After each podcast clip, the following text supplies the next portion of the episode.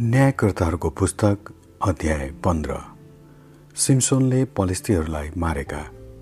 केही समयपछि गहुँका फसलको बेलामा एउटा पाठो लिएर सिम्सोन आफ्नी पत्नीलाई भेट्न गए।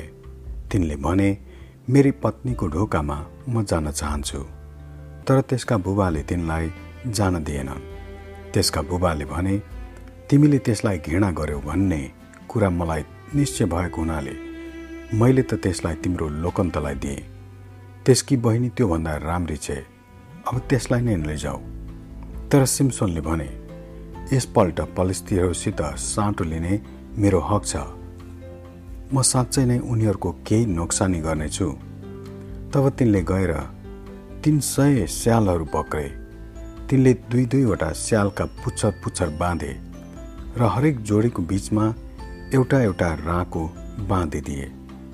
त्यसपछि तिनले ती राकाहरू जलाए र ती स्यालहरूलाई पलिस्थीहरूका पक्रिरहेका अन्नका बारीहरूमा छोडिदिए। तिनले पाकिरहेका अन्न र बिटा समेत दागपारी र भद्राक्षका बगैँचाहरू पनि डढाइदिए। तब पलिस्थीहरूले सोधे यो कसले गरेको हो?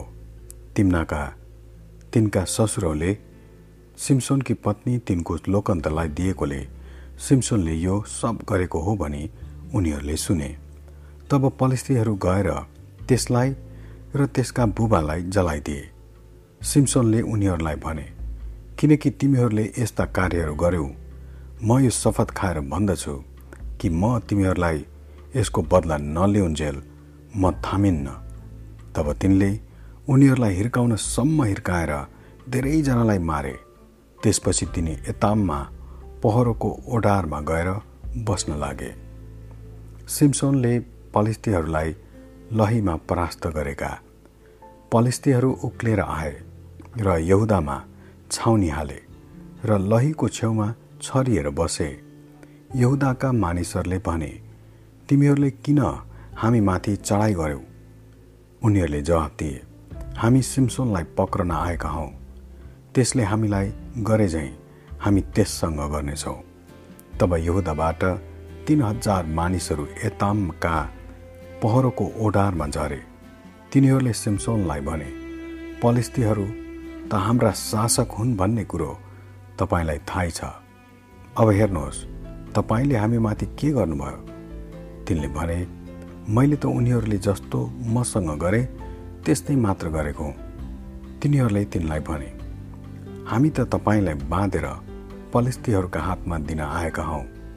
तिनले भने त्यसो भए तिमीहरू आफैले मलाई मार्ने छैनौ भनी मसँग शपथ खाओ। तिनीहरूले जवाफ दिए ठिक छ हामी त तपाईँलाई बाँधेर पलिस्थीहरूका हातमा मात्र दिनेछौँ। हामी तपाईँलाई मार्ने छैनौँ। तिनीहरूले तिनलाई दुईवटा नयाँ डोरीले बाँधे र पहरोको ओढारमाथि ल्याए। तिनी लहीमा पुग्न लाग्दा पलिस्थीहरूले तिनीतिर चिच्याउँदै आए। तब परमप्रभुका आत्मा झट्टै तिनीमा आउनुभयो र तिनका पाखुरामा भएका डोरीहरू डढेका सनपाट झैँ भए र तिनका बन्धनहरू चुरिए। तिनले गधाको एउटा आलो बङ्गारो भेट्टाएर उठाए अनि एक हजार मान्छे मारे। तिनले भने गधाको बङ्गारोले मैले उनीहरूलाई नाश गरे रास लगाएँ। गधाको बङ्गारोले मैले एक हजार मान्छे मारे। यति भनिसकेर तिनले त्यो बङ्गारो फ्याँकिदिए।